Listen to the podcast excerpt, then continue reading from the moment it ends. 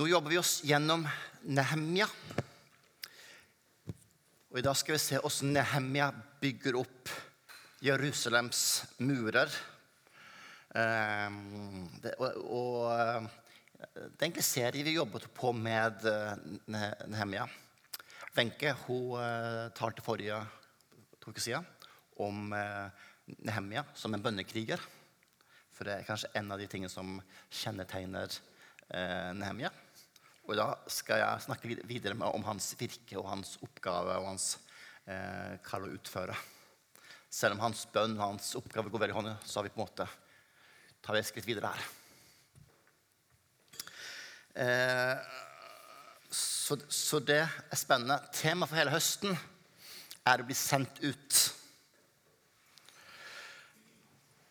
Og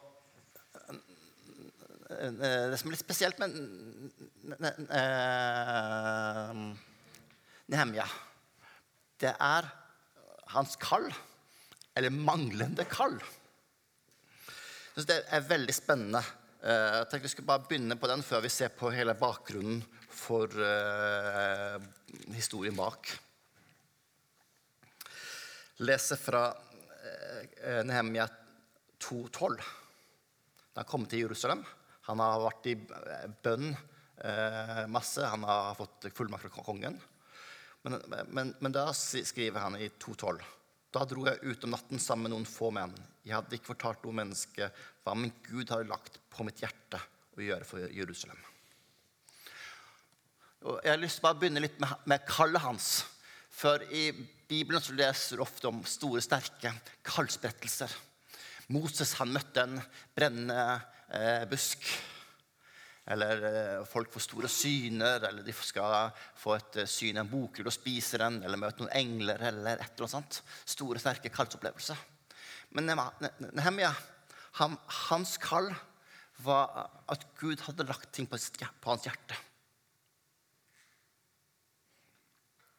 Han er nød, og det var hans kall. Og jeg syns det er egentlig veldig oppmuntrende, for jeg, jeg, jeg, er egentlig opp et kall et tema. Hvordan Gud kaller og sender folk. Et tema som interesserer meg ganske godt. Og jeg snakker med mange mennesker om deres kall. Og som regel så har de ikke møtt en brennende busk eller en engel. Men det er akkurat på den måten her som Nehemja at ting er blitt lagt på, på, på hjertet deres. De ser, når de ser gjennom livet sitt tilbake, og de ser hva som ligger i hjertet, så blir det kallet krystallisert.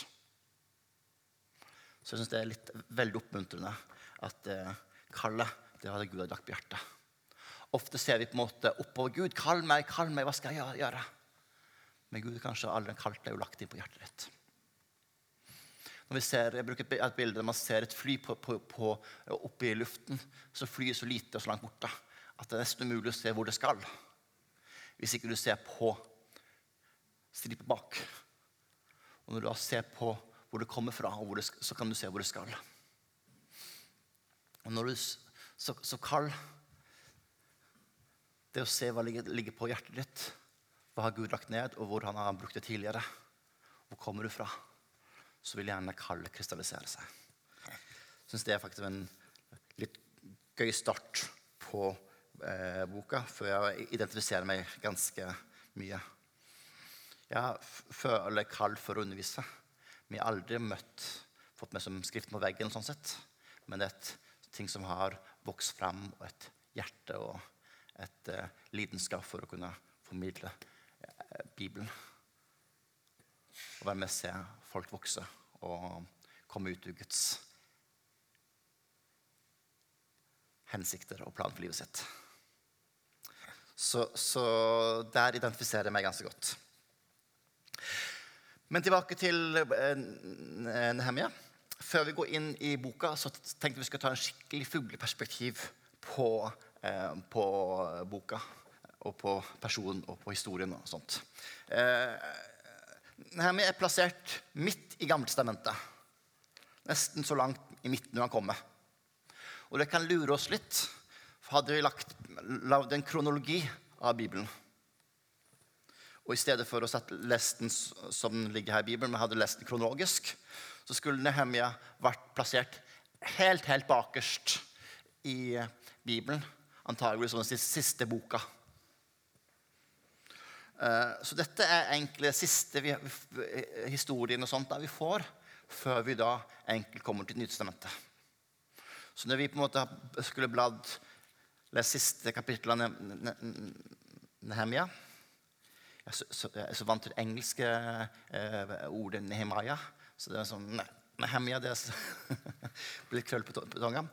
Når vi leser siste kapittel i eh, Nehemia, så ville vi, vi hatt en kronologisk bibel så ville neste kapittel vi bladde på, ville vært Johannes døperen. Og det er på en måte litt interessant, da, så bare ha det litt i, i, i mente at det, det, dette er faktisk siste vi har Gammeltestamentet før vi blar over til Nytestamentet. Og Johannes døperen som kaller til omvendelse. Nå skjer det her. Det her Eh, begynner, eh, er ganske nøye plassert i, eh, i, i tid. Og vi ser at det er Ut fra kongene som er i Persia, så kan vi tidfeste dette til, til 445 før Kristus. Hva skjedde i 445 før Kristus? Hva, hva, hva, periode er vi inne i da?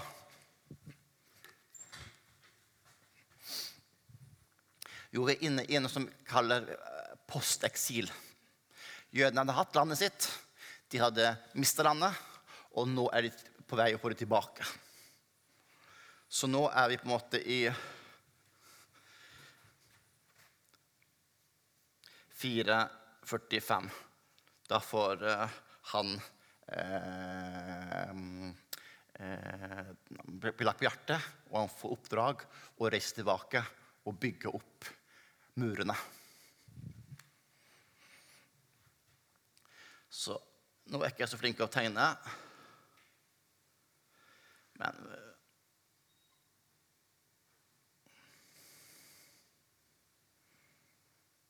Det er hans kall å reise til byen og bygge opp uh, murene. Dette er del av egentlig en større bølge. Og hvis vi leser Esra og Nemaya, så ser vi at han ikke er den første som vender tilbake. Dette er egentlig tredje bølge med tilbakekomst for å bygge landet.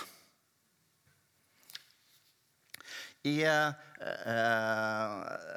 538 Det er litt rart her, for nå går jo tallene bak feil vei.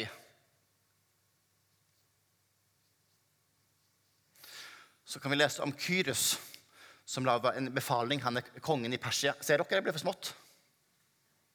Ja, så bra. Eh, I Esra kan vi lese om Kyrius, Kyrios som konge i Persia, som da lager en befaling at folk skal få lov å vende tilbake. Eh, til, og, og deriblant jødene til å bygge opp tempelet sitt. Før det her så har babylonerne vært de har vært veldig strenge. De har holdt folk i fangenskap, eller ikke fangenskap, men på en måte borte fra sitt land. Og de har gjerne holdt de religiøse eh, tingene deres, altså de eh, eh, symbolene og de, eh, ja, de religiøse ting de brukte i seremoniene sine, hadde de holdt hos babylonerne. Nå blir de sendt tilbake til de lokale. Så eh, han gir befaling at tempelet skal bygges. Og tempelet blir bygd opp igjen. Åssen tegner man et tempel?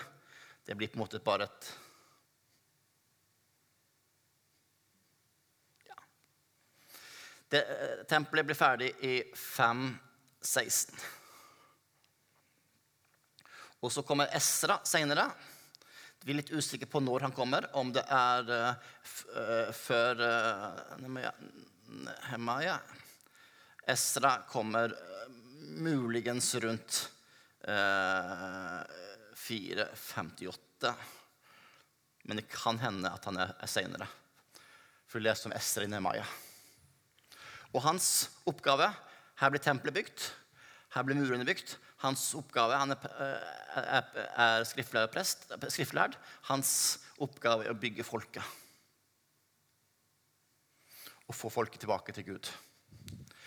Så, vi, så det, dette er på en måte en trestegsprosess for å bygge opp igjen landet. På engelsk eh, kan du bruke begrepen, begrepene return, rebuild, rep, eh, repent og restore og revival. De ønsker å på en måte få opp tempelet. Man ønsket å få eh, ikke, eh, opp folket, få folket tilbake. En ønsket å få opp eh, murene og få nasjonen tilbake til Gud. Og alt dette her er på en måte basert på løfter og på profetiske ord. Og som du ser, Dette er en ganske lang prosess, ca. 100 år. Så det er ikke, det er gjort over natta. Men det er basert på løfter og profetiske ord. Og Da må vi gå langt tilbake i Bibelen. Vi kan gå tilbake til Abraham, som enkelt der folket får løftet, Abraham får løftet at dette her landet gir deg. Det er en pakt Gud slutter med Abraham, som var ubetinget. Og jeg må si at ofte ikke skjønner Gud, og spesielt ikke Guds timing. For jeg syns Gud ofte har veldig, veldig god tid. Så Gud eh, slutta en pakt med Abraham. Vi er ca. på 1800-tallet før Kristus. 1700-1800-tallet. Eh, og så sender han folket deres eh, etterkom til Abraham i eksil eller til Egypt i 400 år. Og så får de lov å ta innta landet. 400 år etter løftet. Ganske lang tid. Eh, så kommer vi til Moses, eh, som, som, fører folket eh, ut. Og nå er vi egentlig 700-800 eh, år før Nehemia. Nehemia. Eh, og det som er veldig interessant med Moses, og spesielt femte Mosebok, er at veldig mye av det som skjer i historien videre, kan du egentlig finne profetert i 5. Mosebok. Og 5. Mosebok er egentlig en pakt mellom Gud og folket. Og i motsetning til den pakten Abraham gav med folket, så er denne pakten en Abraham ga, Gud ga med Abraham, som var betingelsesløs. Det var ingen betingelser han skulle få det her. Spørsmålet bare var når. Så er pakten Gud inngår med eh, Moses og folkene, eh, på veldig strenge betingelser. Eh, og Da kan vi lese om velsignelse og forbannelser. Og Hele pakten er bygd opp sånn at hvis dere følger med meg, sier Gud, så vil dere få landet, og jeg vil velsigne dere. Hvis dere derimot ikke følger meg, så vil disse negative tingene komme. Dere går ut av min velsignelse og dere vil komme under dom. Og etter hvert så vil dommen bli mer og mer ille, og dere vil til slutt miste landet. Og jeg bruker å si at uh, femte Mosebok for det er på spissen, det er egentlig hele kartet, hele essensen av Gammeltestamentet. Og så er resten egentlig etter ord på hvordan ting egentlig ble. Veldig mye av det som skjer videre, er på en måte konsekvens av den pakten og åssen de lever ut. Og om du skal tegne historien, så går den veldig mye som en spiral. Folk fulgte Gud. De inntok landet. De opplevde velsignelse. De hadde det kjempegodt. Ja, da trenger vi Gud lenger. Da finner vi noen andre avguder. Kommer en profet, kaller dem tilbake. De lytter ikke på profeten. De opplever dom, de opplever vonde tider. De roper til Gud. Gud sender en, eh, en redningsmann. Sender en redningsmann. Eh, og eh, han eh, får bort problemet og eh, restaurerer dem, og de kommer tilbake til Gud, og ting går bra igjen. Og så på ny, ny spiral, spiral. Så veldig mye historien er på en måte Eh, en eh, virkeliggjøring av den pakten. Og livet de lever, får konsekvenser. Lever de nær Gud, så blir de velsigna. Lever de bort fra Gud, så mister de velsignelsen.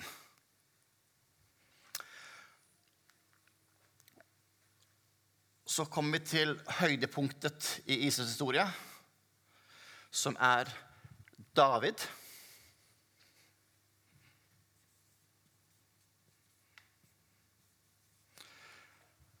Som en konge som var en mann etter Guds hjerte, der ting blomstra på alle måter. Han var ikke perfekt, men landet blomstra, og de levde under velsignelse. Og de fikk utvide landområdene sine. Og folk levde stort sett nær Gud og opplevde velsignelse. Etter David så går det stort sett nedover, nedover, nedover, nedover. nedover, nedover. Kommer profeter, kaller tilbake til Gud. Litt sånn hjert, Gå tilbake litt, og så faller det igjen etter neste konge. De fleste konger er dårlige, noen få er gode, men det går stort sett nedover, nedover, nedover. Og hele det profetiske budskapet som kommer gjennom det, at ok, Gud advarer igjen og igjen. Kom dere ikke tilbake til meg. Lev dere synd. Går dere, eh, så vil dommen komme, og dere vil miste landet. Men folk hører ikke. Så da er vi tilbake til der vi starta her. Så i 6.05 så har du den første delen av De mister landet i tre omganger. Da mister de først delen Da, da mister de sin selvstendighet. De blir en slave en sånn her eh, undernasjon til Babylon, men de har delvis selvstendighet igjen. En del av lederskapet de går til eh, Babylon i fangenskap. Vi leser om bl.a. Daniel. Daniel er blant dem. Allikevel, selv om de eh, opplever det, så vender de ikke om, og de, de eh, eh, mist, Så her mister de sånn sett selvstendigheten. Derfor tegner jeg murene. De er sånn sett inntatt, men de har fortsatt litt igjen. Folket Store deler av folket blir tatt i eksil i 597. Og så tempelet. Det blir ødelagt i 586.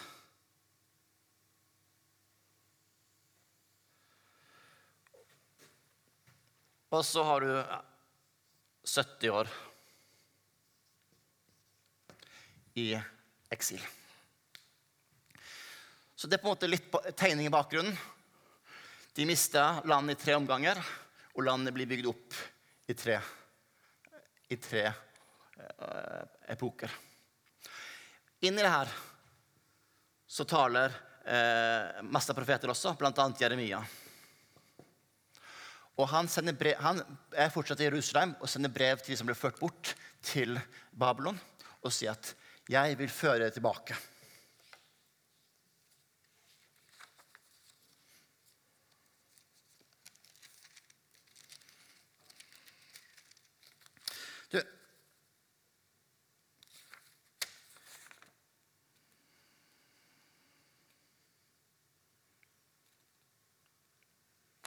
nå har jeg faktisk hopp, Før vi tar Jeremia, så har jeg faktisk hoppa over noe veldig veldig viktig som jeg faktisk er nødt å ta. Beklager. Vi hopper tilbake til, eh, til Moses, som kom med disse her eh, De her eh,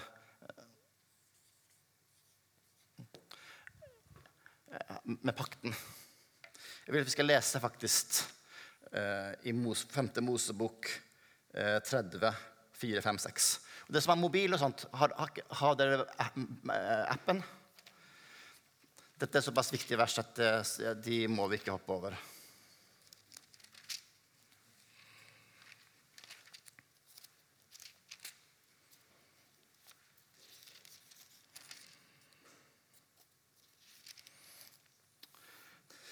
Femte Mosebok 30, 4, 5, 6.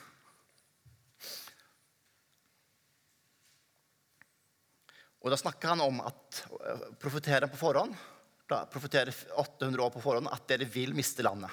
Dere skal få land nå, men dere kommer til å ikke følge meg, og dere vil miste det. Men nå sier han noe positivt at om du så drevet bort til himmelens grense, skal Herren din Gud samle deg fra. Og derfra, skal han, og derfra skal han hente deg. Herren din Gud vil føre deg til det landet som din fedre inntok, og du skal innta det igjen. Han skal gjøre det vel mot deg og gjøre deg mer tallrik enn fedrene dine. Herren din Gud skal omskjære ditt hjerte og dine etterkommeres hjerte, så du elsker Herren din Gud av hele sitt hjerte og hele din, din sjel, slik at du skal få leve. Det er egentlig kjempenøkkelvers i uh, uh, 5. Mosebok. For det, det, forklarer litt hva som vil skje. Og dette er på en måte lavere det profetiske grunnlaget for det vi da ser i Esra og eh, Nehemia. At Gud visste på forhånd når han ga det landet, at de kom til å vende seg bort. Men han hadde en plan at han skulle samle dem igjen. Og det som er spennende her, at her ser vi to viktige konsepter som på en måte vi vil finne igjen i hele det profetiske ord eh, eh, senere. Du har konseptet at eh, Gud er Israels Gud. Han vil samle tilbake. Men, men det er noe mye mer enn det. Han vil ikke bare samle dem, han skal skape noe nytt. Han vil skape en ny pakt, en ny hjerter, en ny Eh, en ny ånd i folk. Og nå I retrospekt, når vi sitter nå og lever i nye pakt, og med Jesus sånn sett, så skjønner vi hva dette handler om. Eh, og vi ser at det er to ganske forskjellige hendelser. Det med at de fikk land, eh, tilbake i eh, 538, eh, og Jesus som forsonte oss og skapte et nytt ånd i våre hjerter og ga oss eh, eh, istedenfor steinhjerter. Det ser vi nå i ettertid. Men i profetiske bilder så, så ser, er de sånn sett. Så du kan si at de, du, du, du ser et tredimensjonalt bilde, du ser bare todimensjonalt. Så du ser de to hendelsene, men du kan ikke skille dem i tid. Så ofte blir disse to tingene representert sammen.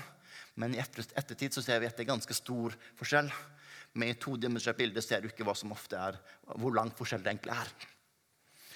Så de konseptene at Gud vil føre en tilbake og skape noe nytt Det er mye av essensen av det du finner egentlig i det hele profetiske. Det er summen av veldig mye av profetene som kommer senere. Mens de broderer ut de, profet, eh, de tingene mye mer. Eh, eh, og det blir mye mer detaljert. Men det er de, de grunnkonseptene som på en måte ligger til grunn, jeg vil føre det tilbake, gjenopprette dere. Men jeg vil også gjøre noe med hjertet deres. Jeg skape noe nytt. En ny pakt. Så det er de to grunn, eh, grunnsatsene i det profetiske ord. Så du kan på en måte summere opp store deler av profetene ut fra de to grunntankene. Men, ikke, men som sagt, det er et to bilde av en tredimensjonal verden. Og Derfor er det ikke så lett å se hva i hva. Da er vi hoppet tilbake til Jeremia. Men det, de, men det er viktig å få med oss den.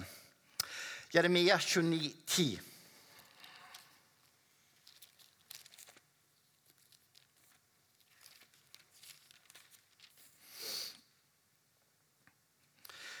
Så sier Herren Og dette sa han jo på en måte i begynnelsen av bortførelsen. Så sier Herren, når de 70 år er gått for Babel, skal jeg se til dere. Da skal jeg oppfylle mitt gode løfte for dere og fører tilbake til stedet. Og De påfølgende kapitlene blir dette utbrodert, hva det egentlig vil si. Og Dere som har vært i vekstgruppa, fikk lov å lese litt mer her i Jeremia. Ganske utfordrende tekst. Eh, men da har du den tosidigheten. Det snakker om langt det fremme når vi i retrospekt kan se det handler om Kristus, men så handler det også om den der og da gjennom rettelsene. Men selv om de blir beskrevet ganske i hverandre. Så det er vanskelig da å se hva er hva, men for oss i ettertid så kan vi se mer klarere. Så kapittel 30 og 31 er fulle av løfter. Så det er egentlig Esra og Nehemja går på, er de løftene her. Og Derfor, eh, som litt forberedelse, så uh, utfordrer jeg til å se litt på disse kapitlene. Men vi har ikke mulighet til å gjøre det uh, nå. Og alle disse, disse profetene, profetiene skaper en forventning. At nå vil Gud endelig gjøre det.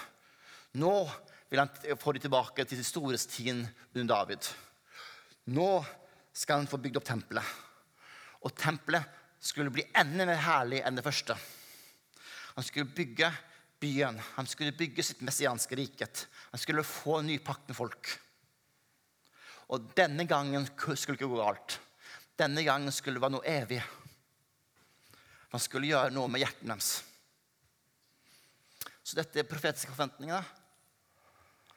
Og så er vi i realitetene. Vi er, vi er på Nehemja. Nesten 100 år har gått siden de begynte den prosessen for tilbake. Og han eh, får beskjed om rikets tilstand, som ikke er så god. Han ser at eh, muren er falt ned. Mest sannsynlig så har den blitt bygd opp i, i den perioden her.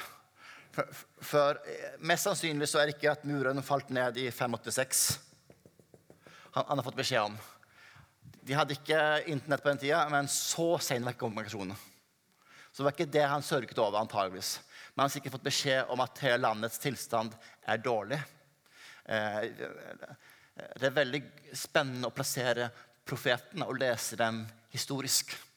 Så eh, Malaki, den siste boken i Bibelen, er plassert akkurat rett før eh, det her. Og da ser vi at rikets tilstand er dårlig. Byen ligger nede. Folk vil ikke bo i byen. Eh, prestetjenesten ligger nede. Folk betaler ikke tidene.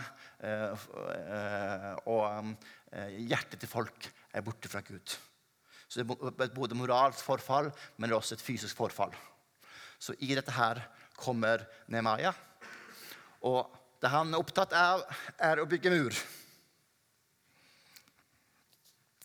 Eh, og det kan jo kanskje være litt eh, morsomt at for oss da å få muren så viktig. Men muren var selve sikkerheten og grunnlaget for byen. Folk bodde i by, for der var det en mur rundt dem som beskytter dem. Så eh, uten, uten, mur ingen by. Og uten by ingen nasjon. Så Derfor så var murbyggingen viktig. Så det er litt eh, Og parallelt med at eh, Nemja bygger eh, eh, muren, så Estra han, han, møter vi også i Nehemjas bok. Han er med i perioden og bygger folket. Så det er egentlig flere ting som blir gjort samtidig. Bygge det fysisk, men også bygge folket åndelig og kalle folket tilbake til Gud. Så det var bakgrunns stoffet for å, før vi begynner på uh, sjøl historien. Så vi leser her om, eh, om eh, Nehemia som reiste til Jerusalem. Og han har en plan som har, Gud har lagt ned i hans hjerte. Og da er det egentlig ganske mye vi kan lære av hvordan han gjør det. Og det er litt sånn sånn her fortelling fungerer. De eh, trekker oss inn i fortellingen og er med og kan lære oss å gi en eksempler på hvordan ting er. Nehemia han reiser der. Først begynner han som Wenche snakka om, i bønn. Det er nøkkelen for tjeneste. Han begynner med den relasjonen. Så reiser han ut fysisk til Jerusalem og går rundt og inspiserer. Begynner med kunnskap og finner ut hvordan ting egentlig er. Førstehåndskunnskap. så går han og engasjerer de rette menneskene. Og deler sitt vitnesbyrd, hva, hva Gud, har gjort med han, og den velviljen han har fått. og bruker vitnesbyrdet til å skape engasjement. Og han får med de rette folkene. Og han får det engasjert.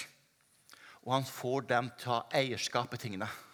Dette her blir ikke eh, når eh, Hele kapittel tre er en liste over folk som var med, og grupper som var med å bygge navnet, eh, byen. Jeg tror det er 46 navn. Og det interessante er at uh, her ble nesten alle nevnt, bortsett fra Nehemia. Nehemia. Eh, og, så det er folkets prosjekt. Det er ikke bare hans prosjekt. Og folk står sammen eh, og bygger der de bor.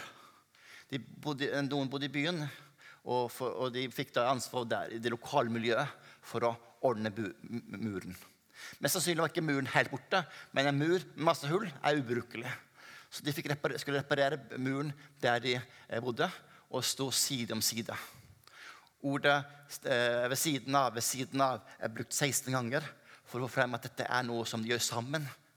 De har eierskap til det sammen. Det er ikke en one man show, men det er eh, eh, Guds folk som går sammen om å utrette eh, tingene. Så de bygger lokalt, men de samtidig har et stort mål for øye.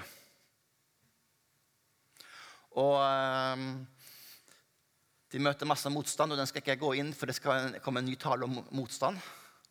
Men det er uh, spennende å se hvordan de da er så fokusert og dedikert, for de vet hva Gud drakk ned. Og la det store øyet uh, målet for øyet. Så byen blir, eh, muren blir ferdig, og eh, byen blir bebodd og fungerer som en by. Og parallelt så kaller Esra folket tilbake til Gud. Og Det er også en annen tale vi skal ha, som jeg skal ikke ha nå.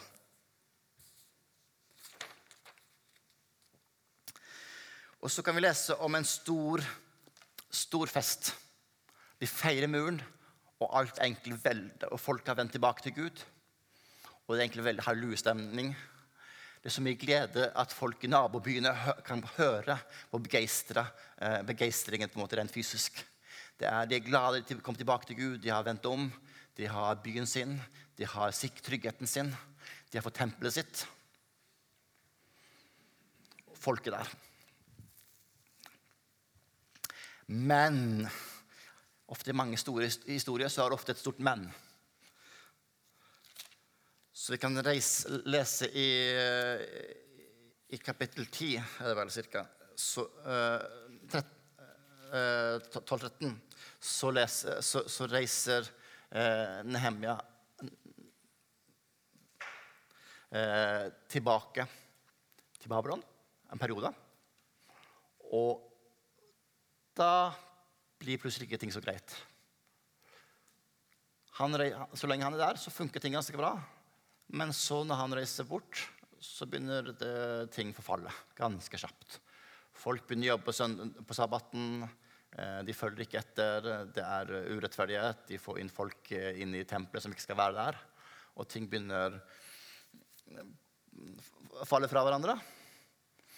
Og han kommer tilbake i kapittel 13 for å ordne opp. Og for å få folk til å følge, så må han liksom stort sett egentlig fysisk tvinge dem. Han må lukke porten for å få folk til å uh, slutte å jobbe på søndagene. Uh, og han er ganske frustrert leder og ender opp å stå og slå folk og dra dem i håret for å få dem til å følge Guds bud. Og der ender boka. Og det er litt interessant. For å ha alle disse eh, store forventningene Wow, nå kommer det her. Men realiteten er det egentlig der.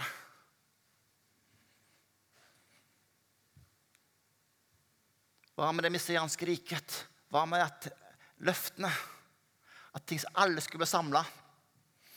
Nå ble det samla ca. 50 000 mennesker regner man med kom tilbake i løpet av disse 100 årene. Og boka ender opp egentlig med masse forventninger som ikke blir innfridd. Og så er Gud. Han er stille i 400 år.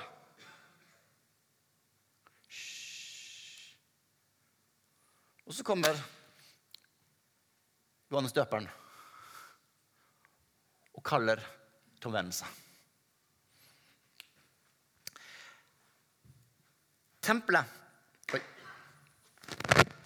Det hadde eh, blitt profetert at det nye tempelet skulle ha en større herlighet enn det gamle. Og så har de da fått opp sånn sett et filletempel, et lite tempel. Når folk så fundamentene, de som var gamle og hadde opplevd det tidlige tempelet, så gråt de. For det var så puslete. Men hva med det store løftet at dette skulle bli mer herlig? Folket skulle vende tilbake, og Gud skulle samle dem. Og 50 000 vendte tilbake. Men de fleste gjorde ikke det. Hva med Guds løfte? Folket skulle følge Gud med et nytt hjerte. Men på mange måter var vi tilbake til start igjen. Hjertet var ikke for, for, forandra. Hva med Guds løfte?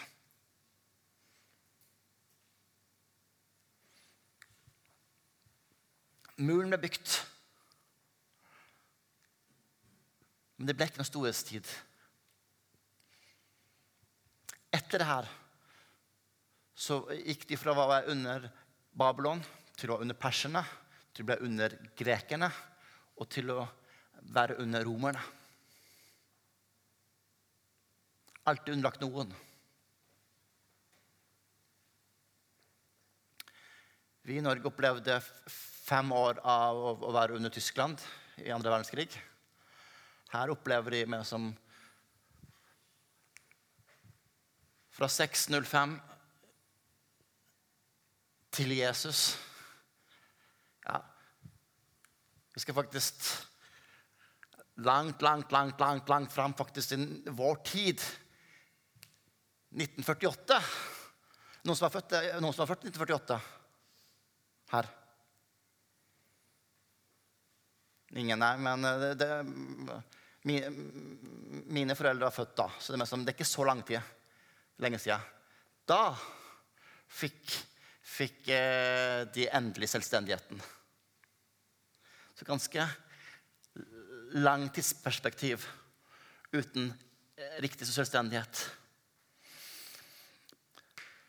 Så boken ender på en måte med litt sånn frustrasjon, litt sånn Hva nå? Og du går i en periode hva nå? Og så er det en forventning når Jesus kommer, at er det nå du skal gjenopprette riket? Og Jesus sier at ja, jeg er Messias, men ikke på den måten dere venter det. Han kom ikke å for å bygge et fysisk rike, men et rike i hjertet.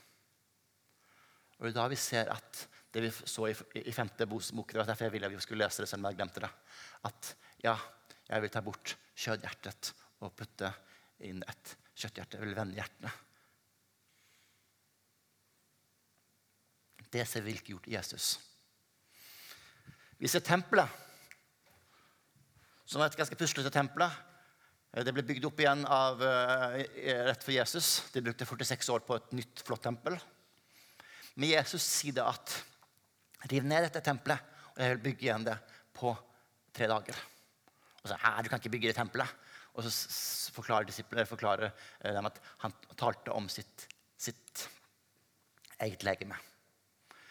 Jesus var Guds tempel som kom ned. Gud sjøl ble menneske og dvelte blant oss. Mye mer herlig enn noen kunne forestille seg. Jesus kom og bytta ut hjertet.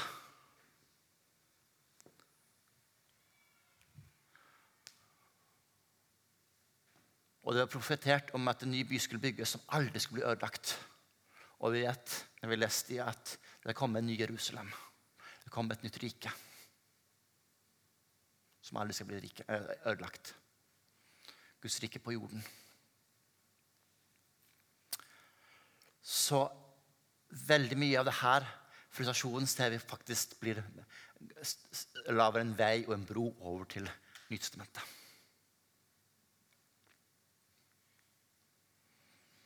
Så vi ser at løftene delvis oppfylt. Mye blir eh, fullt, oppfylt i Jesus.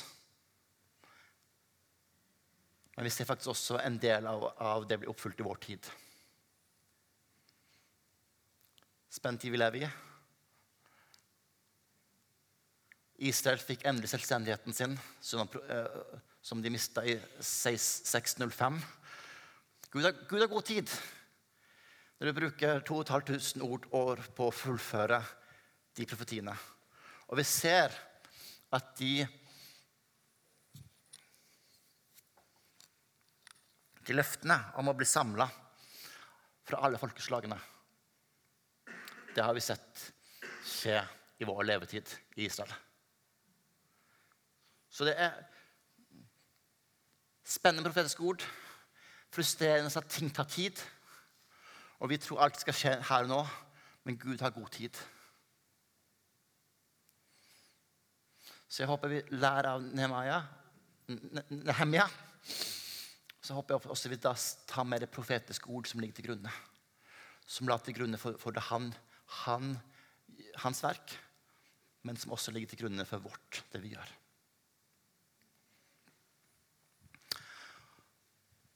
Jeg bare avslutte at jeg har lest slutten av boka og den ender bra for oss. Vi har et profetisk ord. Vi vet at Jesus kommer tilbake. Han kommer tilbake i vår levetid, og han kan drøye 1000 år. Gud har god tid. Han kommer tilbake. Og vi profetiske et ord som lyser opp og gir oss håp. Amen.